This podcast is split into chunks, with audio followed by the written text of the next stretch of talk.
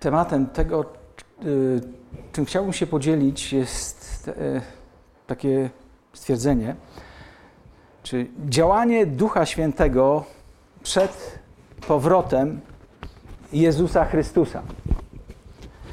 Biblia, Biblia często mówi, że w czasach końca będzie coś, co jest określane jako wielkie wylanie, czy wylanie Ducha Świętego. I tekst, który na, najbardziej wprost jakby o tym mówi, to jest Księga Joela, trzeci rozdział, od pierwszego do drugiego wersetu. I, I, ja przeczytam ten tekst, a potem mówi Bóg, wyleję mojego ducha na wszelkie ciało. I wasi synowie i wasze córki prorokować będą, wasi starcy będą śnili, a wasi młodzieńcy będą mieli widzenia.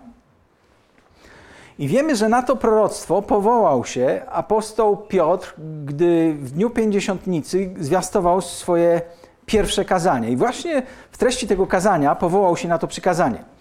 I zwykle myślimy, że, że tak powiem, że to proroctwo, ten tekst wypełnił się całkowicie w tym momencie. Ale czy rzeczywiście tak jest? Jak spojrzymy na tą samą księgę, Księga Jola, trzeci rozdział, na pierwszy werset to jest napisane tak a potem wyleję mojego ducha na wszelkie ciało. A potem. To znaczy kiedy? Po czym? I jak przeczytamy ten drugi rozdział Księgi Joela, Księgi Joela, to zobaczymy, że mówi on o tym, że e, Pan Bóg zbierze swój naród i jakby odsunie wrogów swojego narodu z, z ziemi, w której ten naród mieszka. Powstanie z powrotem państwo, i jest napisane potem to stwierdzenie, a potem, a potem nastąpi wielkie wylanie Ducha Świętego. Gdy spojrzysz na 23 werset drugiego rozdziału,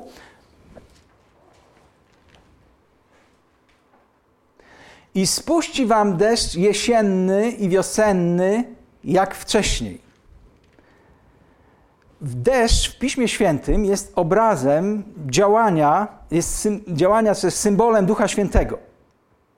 Czyli pismo naucza że o tym, że będą dwa takie główne momenty, w których Duch Święty zostanie wylany w takim bardzo dużym wymiarze.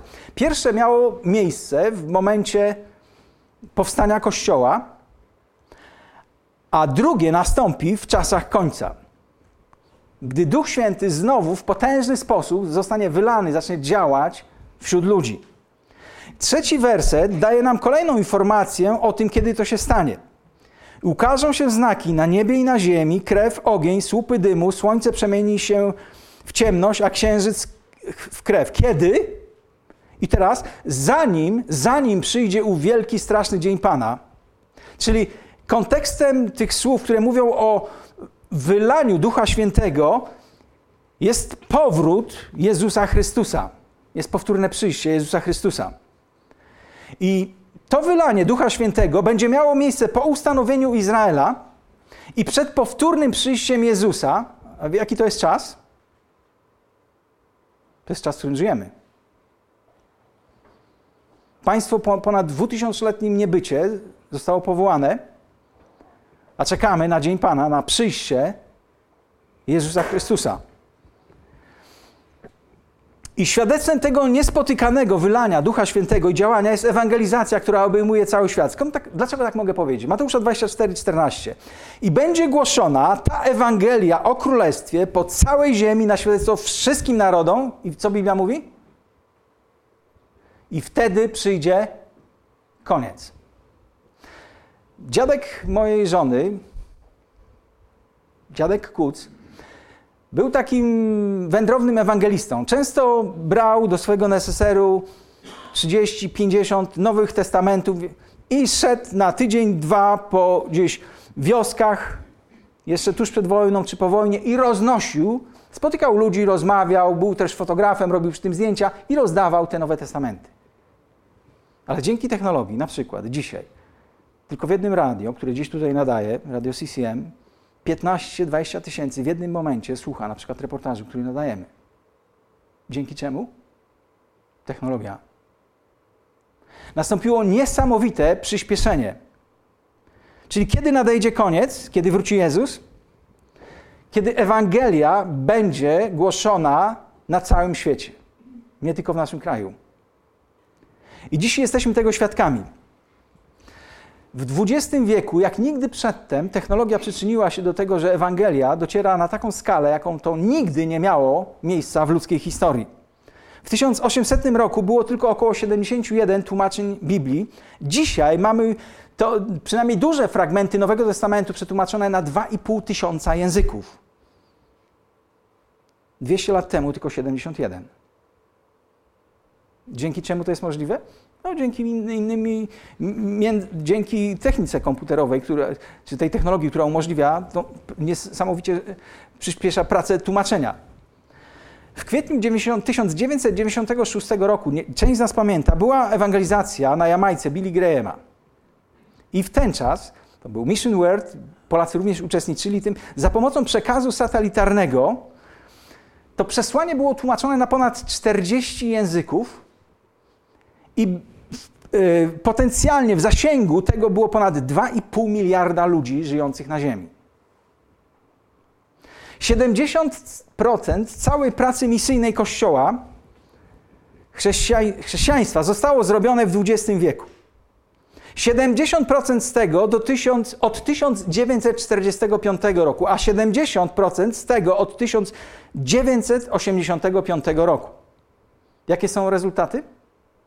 Na początku XX wieku w Afryce żyło tylko 10 milionów chrześcijan. A wiesz, ile dzisiaj jest chrześcijan żyjących na tym kontynencie? Ponad 300, 300 milionów. Nie mamy bladego, bladego pojęcia o tym, co Pan Bóg robi. Brazylia, Ameryka Południowa. To jest kraj, w którym dzisiaj jest tam więcej ewangelicznie wierzących ludzi niż chrześcijan nominalnych. Całe prowincje są dotknięte przekazem Ewangelii i życie ludzkie jest tam zmienione. W Chinach 25 tysięcy ludzi, tak szacują ludzi, którzy to badają, około 25 tysięcy każdego dnia podejmuje decyzję o przyjęciu Jezusa. Mogą za to pójść do więzienia, mogą wylądować na długie lata, w których będą pozbawieni wolności każdego dnia. I to są dane, około, które mają już około 10 lat. 25 tysięcy tych ludzi żyjących w takich warunkach, w takim obostrzeniu, podejmuje decyzję o przyjściu do Jezusa. W świecie muzułmańskim więcej ludzi zostało przyprowadzonych do Chrystusa w ciągu ostatnich 30 lat niż w przeciągu poprzednich 14 stuleci. Wiecie, dzisiaj krajem, który jest na drugim miejscu, jeśli chodzi o liczbę nawracających się ludzi po Chinach, wiecie jaki kraj jest? Iran. Pan Bóg robi niesamowitą robotę, o której często większość chrześcijan żyjących tutaj w naszej części Europy nie ma bladego pojęcia. Niesamowite jest również to, co Pan Bóg robi wśród Żydów.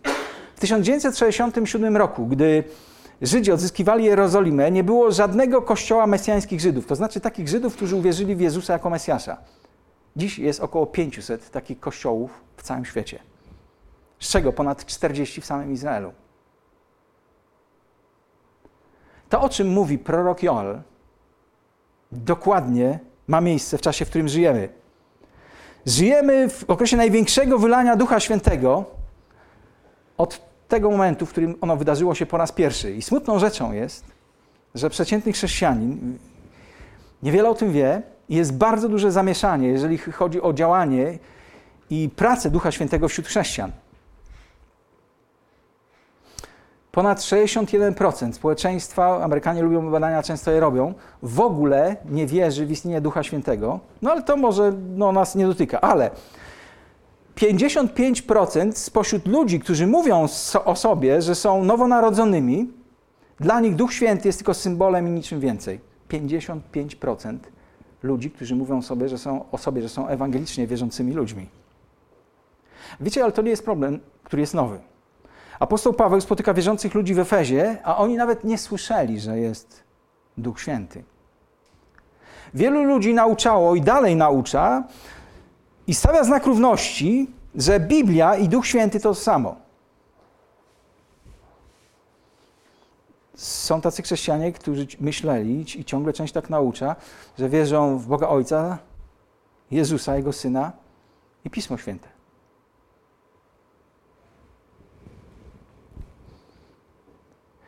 Niektórzy ludzie myślą tak, jeżeli więcej pisma znasz na pamięć, to więcej Ducha Świętego jest w tobie. Czyli to pokazuje, że utożsamiają pismo z Duchem Świętym. Ale Biblia bardzo jasno naucza o Duchu Świętym jako osobie. 2 Koryntian 3,17. A Pan jest duchem, gdzie zaś Duch Pański tam wolność.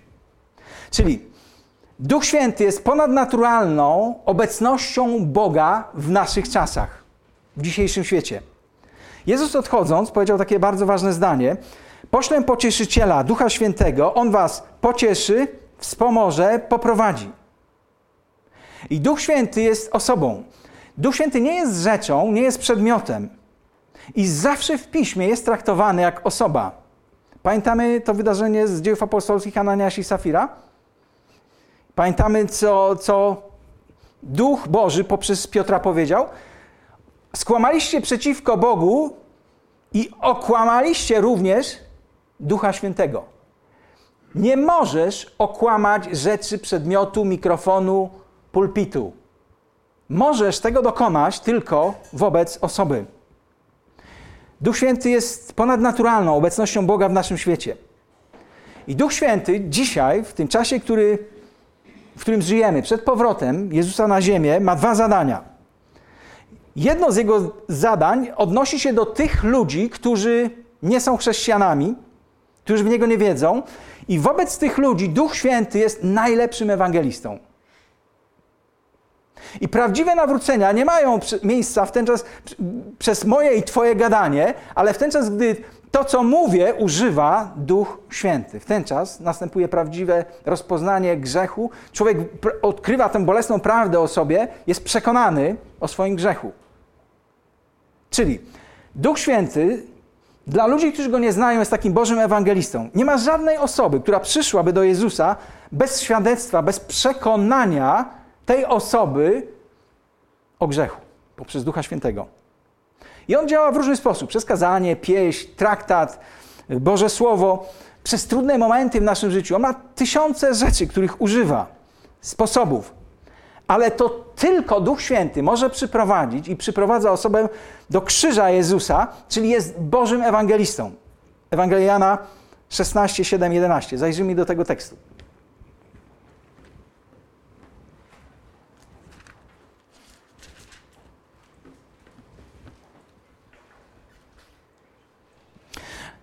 Jezus. Lecz ja wam mówię prawdę, lepiej dla was, abym ja odszedł, bo jeśli nie odejdę, opiekun, rozumiemy, Duch Święty do was nie przyjdzie. Natomiast jeśli odejdę, poślę go do was. A on, ten Duch, gdy przyjdzie, wykaże, że świat jest w błędzie co do grzechu, sprawiedliwości i sądu. Co do grzechu, gdyż nie wierzą we mnie, co do sprawiedliwości, gdyż odchodzę do Ojca, już mnie nie zobaczycie, a co do sądu, gdyż na władcę tego świata już zapadł wyrok. Czyli Duch Święty jego działanie wobec osoby, która nie zna Pana Boga, to, to jego działanie po, po, przejawia się w tym, że pokazuje mu rzeczywistość i konsekwencje grzechu. I przekonuje również nie tylko o grzechu, ale o nadchodzącym sądzie i o tym, że diabeł, ten Boży przeciwnik, jest już pokonany. To robi Duch Święty wobec tych osób, które go jeszcze nie znają. A gdy poprzez to działanie ducha osoba zostanie przekonana o swoim grzechu, przyjmuje Jezusa jako Pana i Zbawiciela, to Duch Święty w tym momencie zamieszkuje w tej osobie, rodzi w niej nowe życie. I od tej chwili, gdy człowiek przyjmuje w ten sposób Ducha Świętego poprzez pokutę wyznanie grzechów, to zaczyna się zmieniać rola Ducha Świętego. Od tego momentu Duch Święty zaczyna być Bożym garncarzem, Bożym rzeźbiarzem w życiu takiej osoby. On nas kształtuje i zmienia każdego dnia, aż do momentu, w którym spotkamy Jezusa. Ten Boży, Boży garncarz robi jedną rzecz. On jest jedną rzeczą zainteresowany. W tym, ażeby jak najszybciej, jak najbardziej wykształcić we mnie i w Tobie podobieństwo do Jezusa. 2 Koryntian 3:18. My wszyscy tedy z odsłoniętym obliczem, oglądając jak w zwierciadle chwałę Pana, zostajemy przemienieni w ten sam obraz chwały chwałę, jak to sprawia Pan, który jest duchem. I to jest rola Ducha Świętego w życiu człowieka, który mówi o sobie, że jest chrześcijaninem. Każdego dnia kształtuje, we mnie przynajmniej, chce kształtować podobieństwo i zmienia mnie na podobieństwo do Jezusa Chrystusa. On modli się o, o, nas, on nas prowadzi, on nas pociesza, on nas przypomina, on nas zachęca, ale jego głównym zadaniem jest zmienianie mnie i ciebie na taką osobę, która coraz bardziej przypomina osobę Jezusa Chrystusa w reakcjach, myślach, w tym, co robisz, jak myślisz, jak ludzi traktujesz. Ale jest pewien problem. Biblia daje nam dwa ostrzeżenia, jeśli chodzi o Ducha Świętego. Pierwsze znajdujemy w Efezjan, czwartym rozdziale, 30 werset.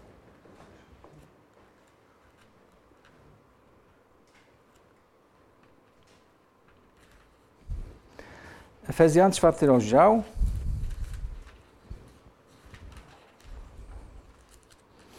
I wersety 30 do 32. Pisze do wierzących ludzi, do tych, którzy otrzymali Ducha Świętego. Nie zasmucajcie też, bo ducha, ducha, też Bożego Ducha Świętego, którym was opieczętowano na dzień odkupienia. I zobacz, przez co go zasmucam.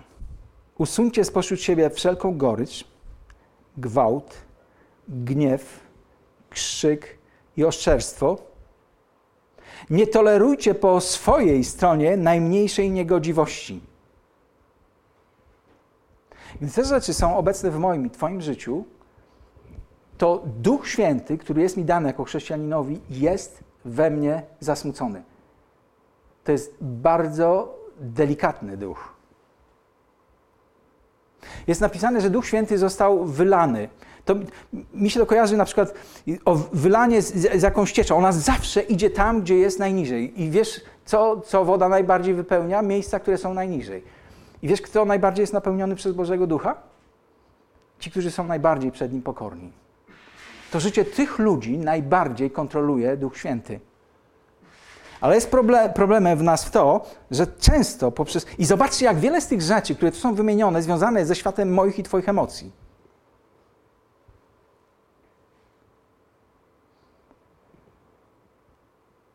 Gorycz, gwałt, gniew, krzyk, oszczerstwo. Drugi tekst, 1 Tesaloniczan 5,19 mówi, że my również możemy ducha nie tylko zasmucić, ale gasić. To pokazuje, że kojarzy mi się znowu gasić z płomieniem, prawda? Bardzo delikatny płomień. Wiesz, jak łatwo możesz zdmuchnąć płomień świecy, prawda? I to, co powiedziałem, Duch Święty jest dżentelmenem, jest bardzo delikatną, osobą działającą w bardzo delikatny sposób. I bardzo łatwo jest go zagasić. I dlatego pismo mówi: ducha nie gaście. Czyli jako chrześcijanin mogę zasmucić i mogę gasić Ducha Świętego. I niestety większość chrześcijan robi to przez większą część swojego życia. Zasmucamy i gasimy działanie ducha w naszym sercu. Duch Święty przychodzi do mojego i Twojego życia, chce z Twojego i mojego życia uczynić świątynię, a my wolimy raczej, żeby to był jakiś domek letniskowy. To za bardzo świątyni często nie przypomina. To my chcemy często siedzieć na tronie swojego życia. Duch Święty chce być prezydentem, a my chcemy, żeby był w pozycji miłego gościa. Ale to właściciel przyszedł. Pan. Nie chcemy go mieć na tronie, dlatego go zasmucamy, gasimy, nie pozwalamy często, by do końca wyczyścił, tak jak chce, różne sfery naszego życia. Czyli z tego powodu większość chrześcijan nie, nie, to nie są ludzie wypełnieni Duchem Świętym. I teraz o dwóch przykazaniach dotyczących naszej relacji do Ducha Świętego. Rzymian 8:14. On pisze, że mamy być prowadzeni przez Ducha Świętego. Zwróciłeś uwagę, że Pismo Święte nie mówi, że masz jako chrześcijanin być prowadzony przez swoje sumienie, bo ono może cię zwieść, może cię oszukać, Biblia również nie mówi, że jako chrześcijanin masz być prowadzony przez swój rozum, bo on również może być zmanipulowany. Biblia mówi, że jako chrześcijanin ma być prowadzony przez Ducha Świętego. A ci, którzy są prowadzeni przez Ducha Świętego, cytuję, są synami Bożymi. Ci, którzy są prowadzeni przez tego Ducha. A po drugie, Biblia mówi, że jako chrześcijanie mamy być nie tylko prowadzeni przez Bożego Ducha, ale mamy być pełni Ducha Świętego. To znaczy, że mogę być chrześcijaninem, a mogę nie mieć pełni tego Ducha. Mogę być tak pełny tego Ducha Świętego, jak jest pełna wody beczka, która jest dziurawa. Albo w której jest tylko bardzo mało wody na samym dnie. I taki stan to nie jest stan pełni Ducha Świętego. A Biblia mówi, bądźcie jacy odnośnie Ducha? Pełni Ducha Świętego. Czyli my zasmucamy, gasimy Ducha, nie jesteśmy wypełnieni, to znaczy nie jesteśmy pod kontrolą tego Bożego Ducha, tak jak On chce, żeby to miało miejsce. To prowadzi nas do pytania, jak mogę być osobą wypełnioną, kontrolowaną przez Bożego Ducha, prowadzoną przez Ducha Bożego, a nie przez swoje ciało. I gdy Biblia używa słowa ciało, to nie chodzi o, o skórę i kości, ale chodzi o mój stary sposób radzenia sobie z życiem. I albo ty jako chrześcijanin jesteś prowadzony, działasz pod wpływem działania Ducha Świętego, albo pod wpływem swojej starej natury, czyli starego sposobu radzenia sobie z życiem. Stoimy każdego dnia przed takim wyborem. Nie możesz być osobą napełnioną Duchem Świętym, zanim nie otrzymasz Ducha Świętego. To chyba logiczne, prawda? Ale jak człowiek otrzymuje Ducha Bożego? Dzieje apostolskie dało się mówi tak. Ludzie po wysłuchaniu zwiastowania Ewangelii pytają, co mamy czynić? I co apostoł odpowiada? Piotr? Pokutujcie. Pokutujcie. Dajcie się ochrzcić i otrzymacie dar Ducha Świętego. To słowo mówi, jak możesz stać się chrześcijaninem, jak możesz otrzymać dar Ducha Świętego. I ważne jest, żebyś miał świadomość na podstawie Bożego Słowa, że w tym momencie otrzymujesz całego Ducha Świętego. To jest ważne. Są ludzie, którzy mówią, że e, musisz starać się pracować w jakiś niesamowity sposób, żebyś miał więcej więcej Ducha Świętego. Nie. W momencie Bożego Narodzenia otrzymujesz całego, pełnię Ducha Świętego. I Twoje chrześcijańskie życie nie polega na tym, żebym ja i Ty miał więcej, więcej tego ducha. Wiesz, na czym to polega? Żeby ten Duch Święty miał coraz więcej i więcej mnie. On jest, ale to nie jest jednoznaczne w moim y, życiu, od razu z tym, że kontroluje każdą sferę mojego życia. I nie chodzi o to, żebym teraz miał więcej mocy Ducha Świętego, więcej obecności Ducha Świętego, bo nie mam całego, ja mam tylko część, a teraz muszę starać się, żebym miał go więcej. Nie, problem jest w tym, że nie pozwalam mu kontrolować kolejnych sfer, poziomów w moim życiu. I polega ta pełnia na tym, ażebym duchowi coraz więcej i więcej poddawał z mojego życia, z mojego myślenia, z mojej woli, z mojej osobowości. I to jest kluczem. Nie posiadanie więcej ducha, ale pozwolenie, by duch coraz bardziej posiadał mnie. A to potężna różnica. I pierwszym krokiem do bycia osobą napełnioną Duchem Świętym jest przyjęcie Ducha Bożego. To jest pierwszy krok. Drugi krok. Jest napełnienie, czyli wypełnienie ciebie duchem, tak by nad tobą zapanował. I to może się stać, gdy otrzymujesz Ducha Świętego. Czasami tak się dzieje. Człowiek jest tak skruszony, ma taką świadomość grzechu, że Pan Bóg w totalny sposób zaczyna kontrolować życie tej osoby. Czasami tak bywa. Czasami. Ale zwykle jest tak, że chrześcijanin otrzymuje Ducha Świętego, ale często jest w nas pycha, arogancja, ukryte grzechy. Przychodzimy do Jezusa, ale równocześnie nie jesteśmy gotowi, by oddać Mu wszystko tak, jak On chce, by zostało Mu poddane. I Bóg używa procesu. Czasami trwa to latami, że coraz bardziej zaczyna kontrolować moje i Twoje życie, moje i Twoje myślenie. Gdy się temu opieramy, to go gasimy, to go zasmucamy, ale gdy trwasz w Bożym Słowie, poprzez modlitwę.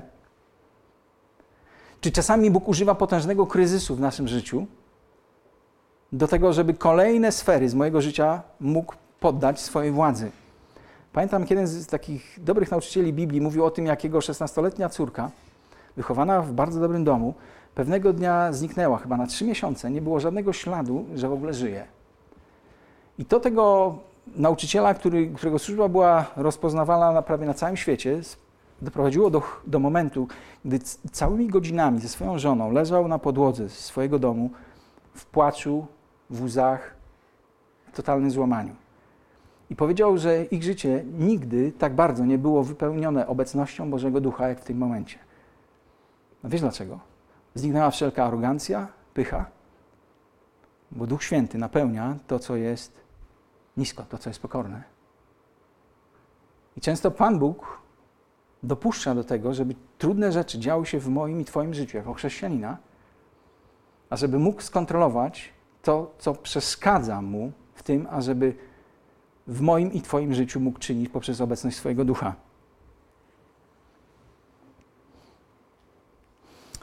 Ważna myśl. Napełnienie Duchem Świętym nie jest jednorazowym wydarzeniem. Mogę być kontrolowany przez Bożego Ducha, napełniony tym Duchem, a w następnym momencie powiem słowa, zareaguję i już nie jestem w Jego władaniu, tak jak byłem 5-10 minut wcześniej. Zasmuciłem Go.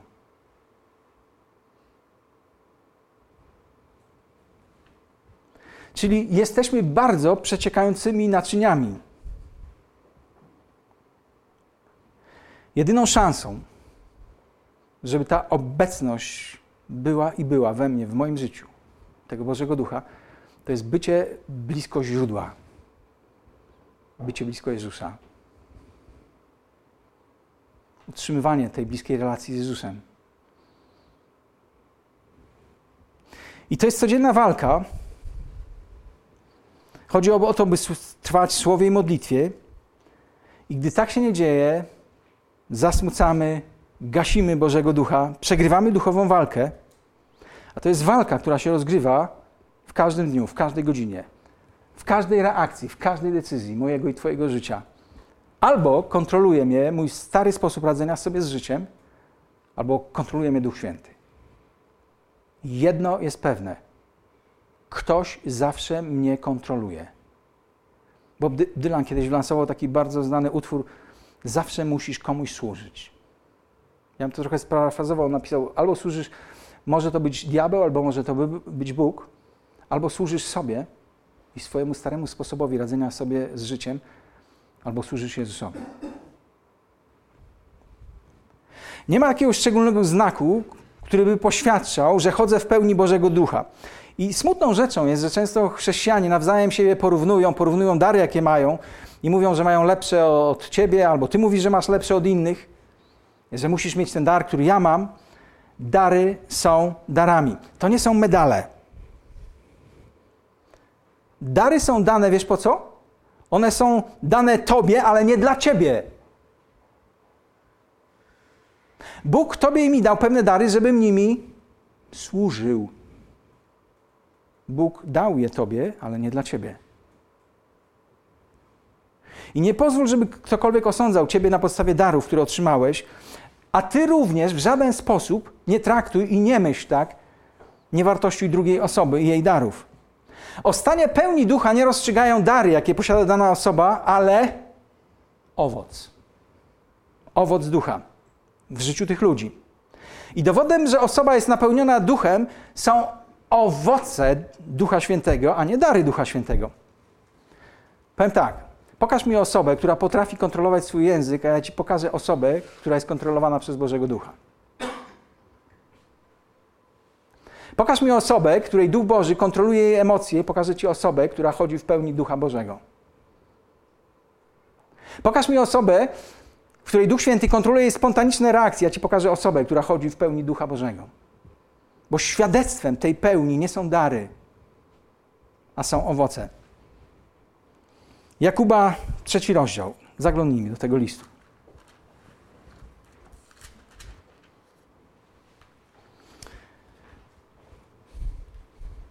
Wszyscy potykamy się w wielu sprawach. Ten jednak, kto nie uchybia w mowie, jest człowiekiem doskonałym, i to słowo oznacza w Biblii jest człowiekiem dojrzałym. To, co mówię, to, co mówisz, bardzo dużo mówi o mnie i o tym, na ile moje życie jest kontrolowane przez Bożego Ducha. Od 5 do 12 mówi tak: Podobnie język jest małym członkiem, a szczyci się z wielkich spraw. Zauważcie, jak wielki las może spłonąć z powodu małego ognia. Język jest właśnie takim ogniem, światem nieprawości pośród naszych członków. Plamie on całe ciało, rozpalony z zepsuciem miejsca kary, wprawia w ruch koło najniższych skłonności, bo wszelki rodzaj dzikich zwierząt, ptaków, płazów, stworzeń morskich da się ujarzmić i człowiek to uczynił. A jednak nikt z ludzi nie ujarzmił jeszcze języka tego krąbnego zła, pełnego śmiercionośnego jadu. Sławimy nim Pana i Ojca i przeklinamy nim ludzi stworzonych na Boże podobieństwo. Z tych samych ust wychodzi błogosławieństwo i przekleństwo. Tak, bracia moi, być nie powinno. Czy z tego samego źródła może wypływać woda słodka i gorzka? Czy figowiec, drodzy bracia, może rodzić oliwki, a, z winy, a winorość figi? Podobnie gorzkie źródło nie może wydawać słodkiej wody. Tekst mówi bardzo wyraźnie, że żaden człowiek nie potrafi skontrolować swojego języka.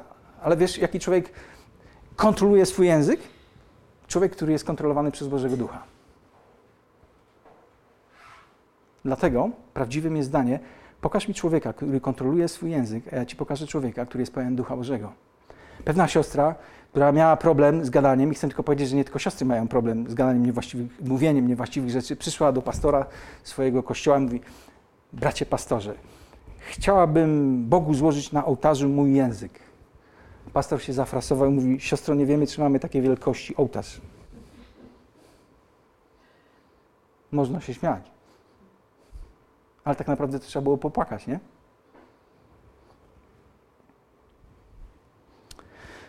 Gdy spotykasz osobę, która jest głodna słowa, czyta go, ma życie modlitewne, chce go więcej więcej, tego słowa i tego bycia z Panem Bogiem, to, jest to, to są znaki tego, że ta osoba jest kimś, kto jest kontrolowany coraz bardziej przez Ducha Bożego. Galacjan 5 rozdział, się tam zaglądnijmy.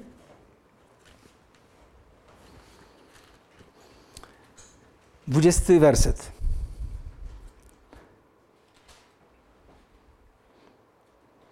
Oddawanie czci bożyszczom, wróżbiarstwo, wrogość, kłótliwość, zazdrość, porywczość, zaczepność, krnomność, brak troski o jedność, zawiść, chęć mordu, pijaństwa, rozpasanie i tym podobne, to są rzeczy, które apostoł nazywa uczynkami ciała. A zobaczcie, jakie są owoce, uczynki ducha. 22-23 werset. Owocem zaś ducha. I to jest miara. Owocem zaś ducha co jest? Miłość, radość, pokój, cierpliwość, uprzejmość, dobroć, wierność, łagodność, powściągliwość. Przy takich cechach nie potrzeba prawa. A ci, którzy należą do Chrystusa Jezusa, ukrzyżowali ciało, to znaczy ten swój stary sposób radzenia sobie z życiem, z jego namiętnościami oraz pragnieniami. Jeżeli żyjemy w duchu, zgodnie z duchem, też postępujmy. Ten tekst pokazuje, co jest świadectwem, dowodem, że czyjeś życie jest pełne obecności i kontroli Bożego Ducha. Owoc. A wiecie, kiedy najbardziej widać to, co jest w tobie i we mnie? Jakie się najłatwiej przekonać, co jest na przykład w plastikowej butelce? Trzeba ją przydeptać. I w ten czas bardzo szybko wychodzi to, co jest w środku.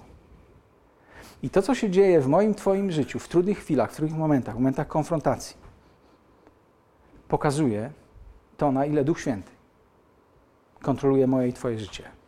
Co tak naprawdę jest w moim Twoim sercu. Kto tam rządzi.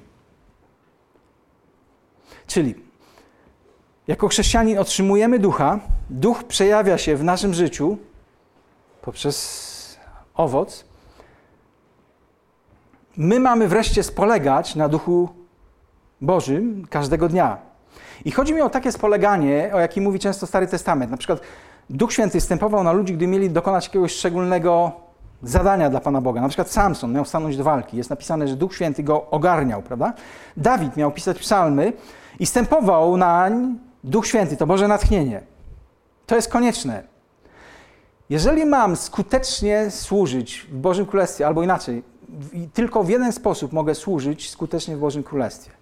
Gdy to, co robię, jest autoramentu, jest autorstwa, jest rezultatem Ducha Świętego i Jego działania w moim życiu. Tylko to ma wartość. Gdy służę ze swoich własnych pobudek, swoich własnych motywacji, to nie ma żadnego znaczenia dla Bożego Królestwa, chociaż się mogę urobić po same pachy, jak my mówimy. Żeby służyć w Bożym Królestwie, potrzeba Jego, a nie mojej mocy. Jego, a nie Twojej mocy. Mam służyć i mogę służyć Bogu i służę Bogu tylko w jednej sytuacji. Gdy czynię to i służę w mocy Ducha Bożego. Pod Jego kontrolą i wpływem, natchnieniem.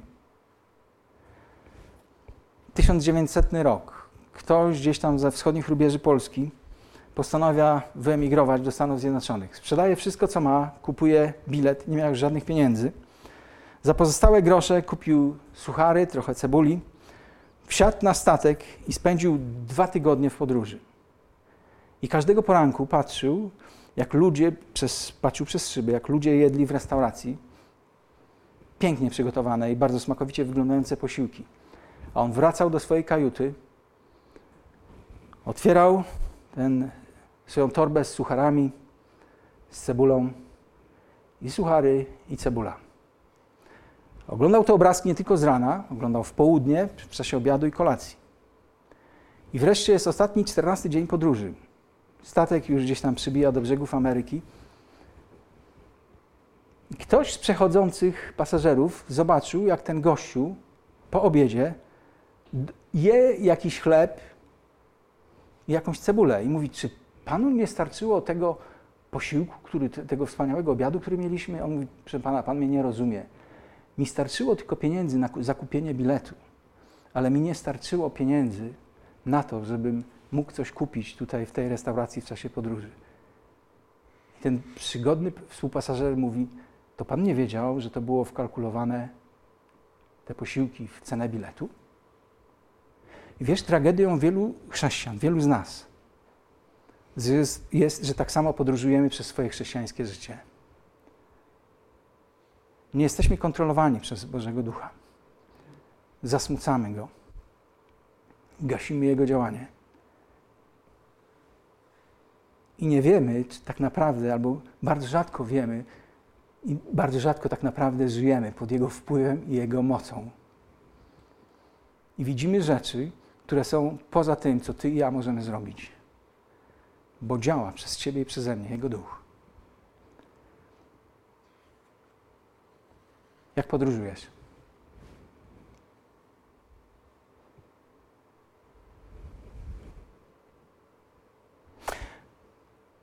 Może się nigdy nie nawróciłeś, nie przyszedłeś do Pana Boga. Czy jest coś, co, co jest przeszkodą, żebyś dzisiaj w szczerej modlitwie nie wyznał mu swoich grzechów? I bezradnie, jak dziecko, które narozrabiało. Dlaczego nie miałbyś powiedzieć kilku prostych słów? Boże, tak bardzo Ciebie potrzebuję. Tak bardzo mi jest przykro, że w ten sposób do tej pory traktowałem Cię w moim życiu. Chcę, żebyś zmienił moje serce i to, jak Ciebie traktuję. Chcę, żebyś zabrał tą wrogość, tą obojętność, jaka to moje stare serce, które Ciebie nie kochało. A chcę, żebyś dał mi to nowe,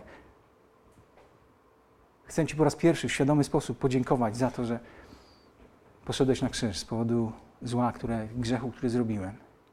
Nigdy tak naprawdę za to nie dziękowałem. Ale teraz wiem, że to z mojego powodu Ciebie spotkało. Chciałbym Cię przeprosić, chciałbym Cię podziękować. Dlaczego nie miałbyś mu powiedzieć: przyjdź, napełnij mnie, zamieszkaj we mnie? Chcę Cię kochać, chcę być Twój, chcę należeć, chcę mieć Pana. Kilka prostych słów, które będą wyrazem Twojej wiary w to, co mówi Bóg, dzisiaj, tego poranku, może zmienić Twoją wieczność. Duch Święty może zrodzić nowe życie. A jeżeli jesteś wierzącym człowiekiem i pod wpływem Bożego Słowa, tego lustra, widzisz, jak wiele rzeczy trzeba poukładać. I gdy przyjdzie nawet jutro i kolejny raz zasmucisz albo zgasić Ducha Świętego, co masz zrobić? Przyznać się. Wyznać to, co ci pokazuje, że jest rzeczą niewłaściwą Duch Boży. Prosić o przebaczenie. Poprosić o napełnienie. Żyć w poddaniu i zależności od Bożego Ducha. Być blisko źródła. Nie ściemniać, nie udawać. I będziesz się cieszył Jego obecnością i będziesz świadkiem rzeczy, w które trudno będzie ci uwierzyć, że Bóg tak niezwykłe rzeczy czyni w Twoim życiu.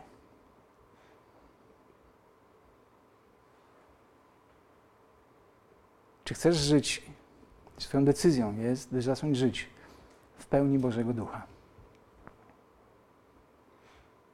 Pod Jego kontrolą. To nie jest łatwe, ale to jest możliwe. I to jest jedyne życie, jakim warto żyć. Tego życzę sobie i każdemu z Was. Niech Bóg Cię błogosławi w Twoich decyzjach. Amen.